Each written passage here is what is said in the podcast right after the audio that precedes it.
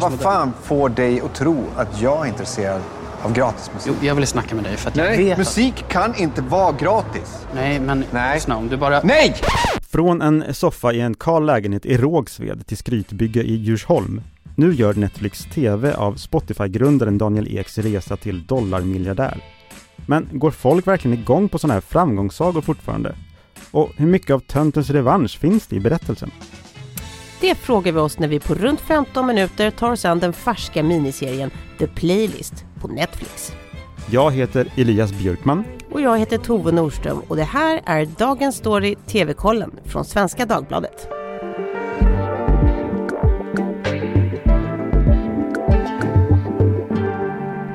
Ja, det, det är inte ett garage i Albuquerque. Utta, Som- Uttalade jag det rätt? Precis vad jag skulle säga. Som du uttalade rätt! Det är inte ett garage i eh, Los Altos. Det var här då, det var där som Mi- Microsoft respektive Apple startade, sägs det. Ja, just det. Men här har vi en madrass, eller en, en sunkig lägenhet i alla fall, i Rågsved. Ja, och kan, kanske är Rågsved Sveriges svar på Albuquerque, vem vet? Det, ja, det är i alla fall här som Stockholmssonen, Daniel Eks, resa till techföretagstoppen börjar. Men eh, vad var det som hände när Spotify då gick från startup till världsherravälde? Ja, det kan man fråga sig och det gör ju just The Playlist som är serien som skildrar hur idén till Spotify uppstod och hur musikspelaren förädlades och till slut blev typ en supersuccé. Daniel Ek var hjärnan och Martin Lorentzon investeraren. Jag vet hur vi ska rädda musikindustrin. Okej. All right. Bra. Men du, ha en bra kväll då. Och förlagan är i, i en bok som heter Spotify inifrån, som kommer från 2019. Så att det är ju som, som så ofta när sådana här saker ska skildras, eh, man, man har ett kreativt ganska fritt tolkningsutrymme när man ska, när man ska berätta hur någonting gick till. Eh, så att man, man, eh, man berättar om någonting som faktiskt har hänt men inte exakt hur det har hänt. Nej men precis, alltså det, just den här boken eh, har man ju många källor till. De författarna pratade med massor av personer men Daniel Ek har som jag har förstått det underkänt den och liksom, han har inte läst den och han säger att de där personerna vet inget om mitt liv. Så det här är ju liksom Spännande ändå att underkänna något man inte har läst. sant. Han, jag tror han underkänner det för att de inte hade pratat med några vettiga, några, liksom de, några personer som han kände verkligen. Ja. Tyckte jag han sa i en intervju i Dagens Industri om man vill kolla det. Men så eh, det, det, han säger, han har absolut inget med serien att göra Mm. och inget med boken då heller. Och, så han tar ju händerna ifrån detta. Mm. Innan vi börjar så var det som en, en, en grej som slog mig bara direkt innan jag liksom började titta. Okej, Pallar du höra eller? kör. Ja, men jag tycker att det känns lite omodernt att göra The Rise and Not Fall serier om bolag eller framstående eh, företagares framgångssaga. Det känns liksom som att filmer och serier om succébolag så himla länge har handlat om eh, sån här upp som en sol och ner som en pannkaka i kronologin på grund av att det är liksom lite det vi gillar att gona i på något sätt. Ehm, att det där liksom det där som vi ofta hävdar att man ska så, hitta inspiration i hur en människas totala dedikation och övertygelse leder till liksom helt osannolik framgång i slutändan. Det är liksom överreklamerat, det är någonting vi bara hävdar men, men det, det verkar inte riktigt vara så. Vi vill inte bli inspirerade, vi vill se när det gått åt helvete. Vi vill liksom hitta Ja. tröst i någon som har fuckat upp värre än vi själva har gjort det. Det finns ju massa eh, eh, mer eller mindre samtida exempel på det här. Vi har WeWorks, enhörningens uppgång och fall om den här eh, hippie-messian eh, Adam Neumanns eh, ja, fullständiga downfall. Ja, den är ju podd, dokumentär och tv-serie. Ja, visst. Rätt kul tv-serie faktiskt. Ja. Med Jared Leto. Och sen har vi den här Bad Vegan, eh, handlade ju inte så mycket om ett bolag som det handlade om en, en krögar, eh, framgångsrik krögare, men hon var ju verkligen en it-person i New York som eh, verkligen kraschlandade Sarma Melangailis, eller något sånt, Melangailis. Mm. Det får vi stoppa in i blooperlistan direkt från mig. Ehm, och sen har vi den här The Inventor Out for Blood in Silicon Valley om eh, Elizabeth Holmes, ehm, hon kvinnan som påstår sig ha eh, gjort en blodtestinnovation och det visade sig i sin tur vara 100% fake news. 100% totalt 100% och den finns ju som podd, eh, den finns som eh, dokumentär tror jag och som tv-serie. Men i The Playlist, som i och för sig inte då är en dokumentär men based on a true story, mer eller mindre, i, i den så pratar vi om en av modern tids absolut mest framgångsrika enhörningar. Eh, och man kanske ska tydliggöra här att en enhörning är ju då ett bolag som eh, är värderat till över en miljard dollar. Just det. Ja men och att det här det handlar om det eh, och som trots liksom en hel del stridigheter längs vägen fortfarande idag är värderat till över 440 miljarder kronor. Och vad vill jag säga med det här då? Ja, inte vet jag Elias. Kanske bara att det är ett trendbryt för rörligt innehåll bara. Att det, vi har gått från det där att man vill se en krasch till att man bara vill se vad som hände. Men Ek är ju en self-made man. Mm, precis. Får man väl säga. Han började ju tidigt eh, med datorer. Mm. Han är ju ett år yngre än vad jag är. Eh, Så jag kan förstå det, att vi växte ju upp, då kom datorer, hemdatorerna i större utsträckning. De blev subventionerade Ja, av staten i Sverige. Och så hade man ju snabbt internet också. Ganska tidigt. Eh, Så han började ju göra hemsidor och sen så gjorde han lite olika system som han sålde för lite 10 miljoner här och där. Då köper han någon sorts röd sportbil och äter korv hos han på Karlavägen eller Narvavägen eller vad är det? vad är det Günthers korv det? Ja. ja, just det, precis. Eh, Något intressant för oss Stockholmsbor. Eh, De flesta känner igen denna institution. Men eh, eh, strunt i det nu. Tillbaka till Daniel Ek. Hej älskling. Nej. Hur gick mötet? Ja, bra. Är det nyårsdräkten? Det är precis vad det är. Okej. Ja. Ska vi riva hela? Ja, ja jag tror det. Daniel Ek och hans fru ska köpa ett, har köpt ett hus Just det, som de river. I, någonstans i Djursholm för massa, massa miljoner. precis. Ett helt nyrenoverat hus. Men Så- det var inte tillräckligt snyggt. Nej men det skulle bort och byggas om. Så vad säger det här om Sverige då? Jag vet inte, men det, men, men det finns lite sådana kommentarer i, i serien, ganska slappa ärligt talat, som inte riktigt bottnar i så mycket, men det finns lite sånt som vi måste tänka bortom lilla gråsosse-Sverige. Uh, fuck folkhemmet, nu kör vi, tänk något nytt. Ja. är ett direkt citat. Eh, det är eh, investeraren Martin Lorentzon som är, är Daniel Eks eh, kompanjon som säger det. Jag vill att du ska visa fuck you åt extremsocialismen. Och ta fram någonting som är så jävla perfekt att alla vill ha det. Det finns någon slags tes om att måste man vara en dyngnörd för att kunna bygga en unicorn? Alltså måste man ha en sån eh, komma från eh, trista förhållanden om det är socioekonomiskt eller bara socialt eller bara ekonomiskt. Och om vi då för enkelhetens skull unnar oss att, att eh, ha en väldigt förenklad och generaliserad bild av vad en dyngnörd är. Jag, jag tänker mig 80-talsfilm i USA typ. För alla egentligen de här entreprenörsberättelserna som vi ju matas med konstant, vi tycks ju inte få nog av, av dem. Eh, de ser ju så sjukt lika ut. Det är ju nästan alltid att det kommer liksom det, ja, men, någonstans när vi andra utvecklar eh, någon slags sociala skills i bästa fall och lär oss om, om eh, sig och sex och moppar så utvecklar de här personerna sina skills vid datorn istället. Du är en fantastisk kodare, men, men vi kan inte ha dig här om du inte kan samarbeta. Ta ner den skiten nu. är det så enkelt att man har liksom lite antisociala drag och så hittar man andra utvecklingsområden och bygger liksom tidigt upp någon slags känsla för total hängivelse till något annat än socialt liv eller är det är det liksom folk som från början har ett driv och ett annat intellekt och som, som inte riktigt vaskar stora delar av ungdomen på, på dumheter som kanske vi har gjort. Alltså vad är hönan och vad är ägget? Ja men eh, där kan man ju känna igen sig själv när man satt hemma och gjorde tidningar i Indesign istället för att vara ute Det och- gjorde du. Ja. Eller vad, då, ja, Vad är din villa Djursholm då? exakt. Det är min stora Vi fråga. fick ingenting, jag, men jag var jä, jag är jäkligt bra på Indesign. Ja det är du. Det, det var din, din revansch på Mm. samhället. Hey, I'm Ryan Reynolds. Recently, I asked Mint Mobile's legal team if big wireless companies are allowed to raise prices due to inflation. They said yes. And then when I asked if raising prices technically violates those onerous two year contracts, they said, What the f are you talking about, you insane Hollywood ass?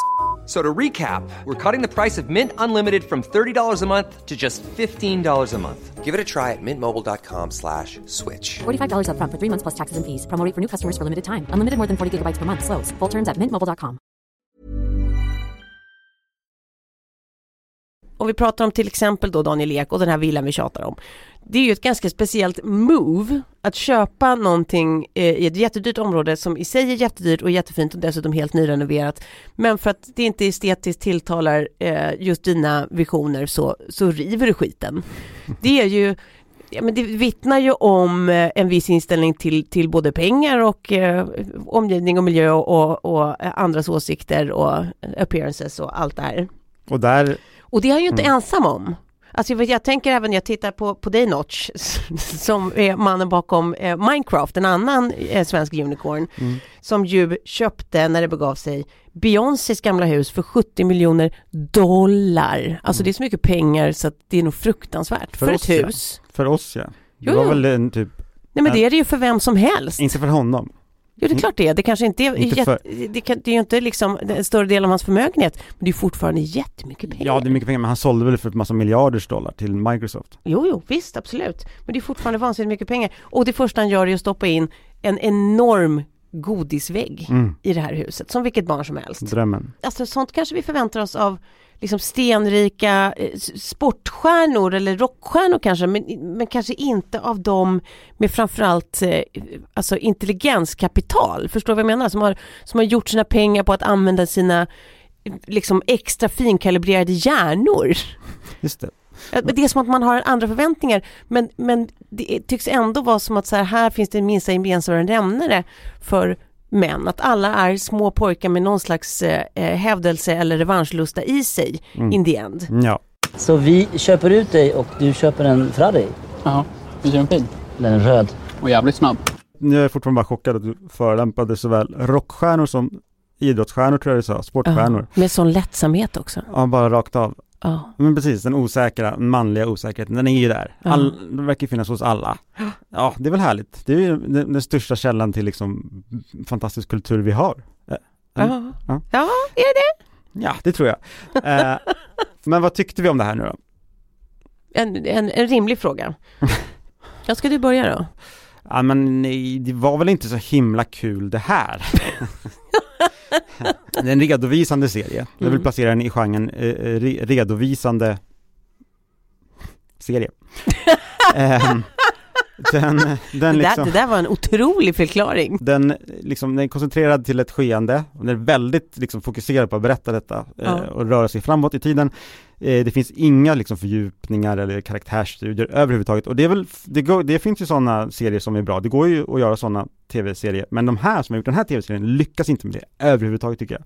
Jag tycker att den är, den är, den, dialogen är jättesvag och eh, den liksom skriver den på näsan. Nej. Nej men det Ehm, där får ju stå för dig förstås. Ehm, jag hör vad du säger, men jag kan tycka att just det också gjorde den ganska underhållande. Alltså det var ganska skön att titta på, det var ganska behaglig, eh, lättsam. Och för en gångs skull, vilket är, kan låta som en detalj, men för mig har blivit en enorm grej. Jag tycker att det var ett motiverat antal avsnitt.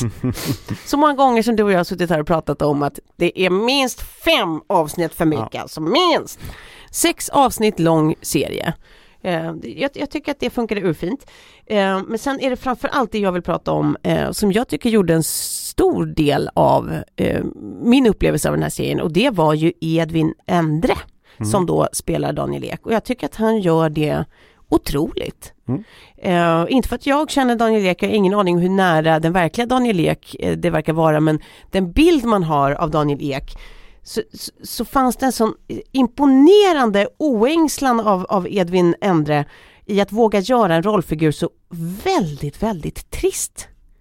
Alltså att man inte ska dra på då att jag, jag kan tänka mig att som, som skådespelare att det blir enkelt att man ändå vill hitta någonting som, som ger eh, karaktären en, en edge eller liksom någonting som gör det extra spännande. Att, är det en lite eh, tråkig figur då kanske man vill göra den lite extra mörk eller ond. Eller tvärtom så här ändå, eh, jag vet inte, eh, signalera om att det finns massa förlåtande eh, förklaringar här i bakgrunden.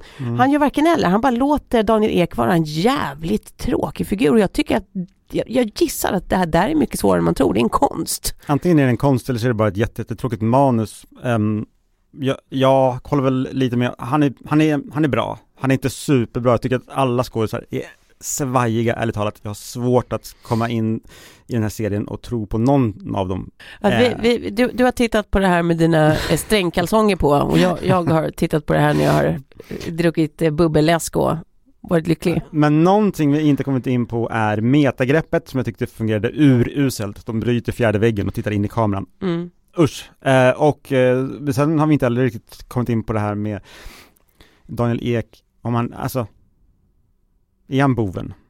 Eller inte? Det ska kanske inte spoila det, men jag menar, de komplicerar ju ändå det. Det ska jag ändå ge dem. Mm. Att de, den inte liksom, den förhärligar inte eh, rakt av. Nej. Eller alls faktiskt. Nej, nej inte alls.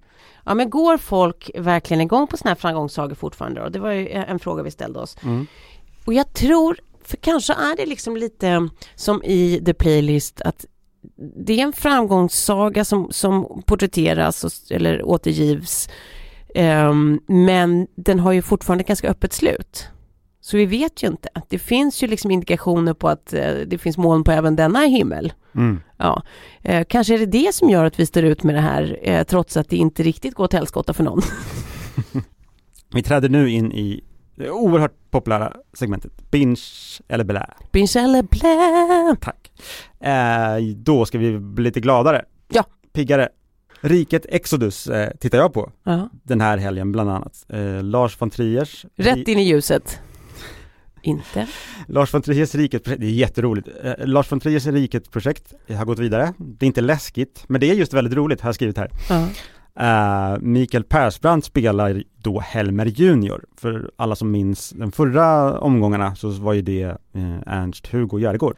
Men Persbrandt eh, är underbar faktiskt och det, liksom, när historien om det här bisarra rikshospitalet i Köpenhamn får sin fortsättning här. Eh, Mm. Det är klart att det är tramsigt och det sägs väl att det här är liksom är Lars von Triers Det var det mest, det, det börjar som ett skämt mest så här. Mm. Eh, Jaha, tv-serie, ja det kan jag väl göra för att tjäna in lite pengar till mitt filmbolag Och så blev det ju så bra ändå Mm. Massa svenska skådespelare, andra eh, Skarsgård, Tuva, eh, Alexander då Tuva Mm. Novotny Den tycker jag är kul och den finns på Viaplay Just det. Ja, men då får väl jag vara, jag, jag har lånat dina eh, ilskna kalsonger för att det, det, härifrån blir det lite tråkigt ton den här Aha. veckan. Men det är bara för att undertecknad eh, råkade se House of Hammer på Discovery+. Plus. mm. Mm. Eh, Det handlar alltså om den amerikanska skådisen Army Hammer för oss som till exempel minns eh, den eh, smått otroliga filmen Call Me By Your Name. Han, var ju en, han gick från att vara en starkt lysande stjärna till utbränt och cancellerat tomteblås kan man väl säga, Army Hammer. Eh, Det kröp ju fram att han var lite av en sadist och eventuellt också kannibal. Där Eh, måste man kanske säga att anklagas för anklagas för. Precis, så det, det är mycket viktig brasklapp. Hur som helst, det, det låter ju som att eh, det här skulle kunna vara otroligt spännande eh, just för att det är så obehagligt. Men eh, ja, jag hade kunnat lära mig att, inte vet jag, origami eller mangla lakan istället. Eh, varför ska alla sådana här serier vara alldeles för långa, apropå perfekt mängd avsnitt? Jag vet inte men här är det väl också hela familjehistorien, någon slags, någon slags ärvd Mm. Och Eh. den är väldigt ointressant tyckte jag. Ja det kan jag tänka mig, Mm. jag orkar inte säga det Nej. Familjen Hammers familjehistoria. Anywho, don't eh, say it. Och i och med det så måste vi tyvärr pausa musiken eh, och tacka för idag. Men vi hörs igen nästa vecka. Kanske på en playlist på en svensk musikspelare som går i grönsvart. Ja, eh, och vill ni ha färska recensioner? Det där, det där gjorde du så snyggt jag måste bara avbryta mig för att säga bra. Mm, tack, jag väntade lite på det. Ja. Eh, färska recensioner av nya tv-serier och filmer det hittar ni ju på svd.se tv-kollen och där kan ni också få massor av fler tips. Glöm inte heller att mejla oss, berätta vad ni tycker att vi borde prata om framöver. Det är bara att fylla vår mejlkorg och det gör ni genom att skriva till tvkollen svd.se tvkollen snabela svd.se Hey, I'm Ryan Reynolds. Recently, I asked Mint Mobile's legal team if big wireless companies are allowed to raise prices due to inflation. They said yes. And then when I asked if raising prices technically violates those onerous two year contracts, they said, What the f are you talking about, you insane Hollywood ass? F- So to recap, we're cutting the price of Mint Unlimited from $30 a month to just $15 a month. Give it a try at mintmobile.com slash switch. $45 upfront for three months plus taxes and fees. Promo rate for new customers for limited time. Unlimited more than 40 gigabytes per month. Slows. Full terms at mintmobile.com. Dagens program klipptes av Lasse Edfast och redaktör var Erika Hallhagen. Klippen vi har hört kommer från The Playlist på Netflix. When you make decisions for your company, you look for the no brainers. If you have a lot of mailing to do, stamps.com is the ultimate no brainer. Use the stamps.com mobile app to mail everything you need to keep your business running with up to 89% off USPS and UPS. Make the same no brainer decision as over 1 million other businesses with stamps.com. Use code PROGRAM for a special offer. That's stamps.com code PROGRAM. Ansvarig utgivare för dagens story TV-kollen är Anna Kareborg.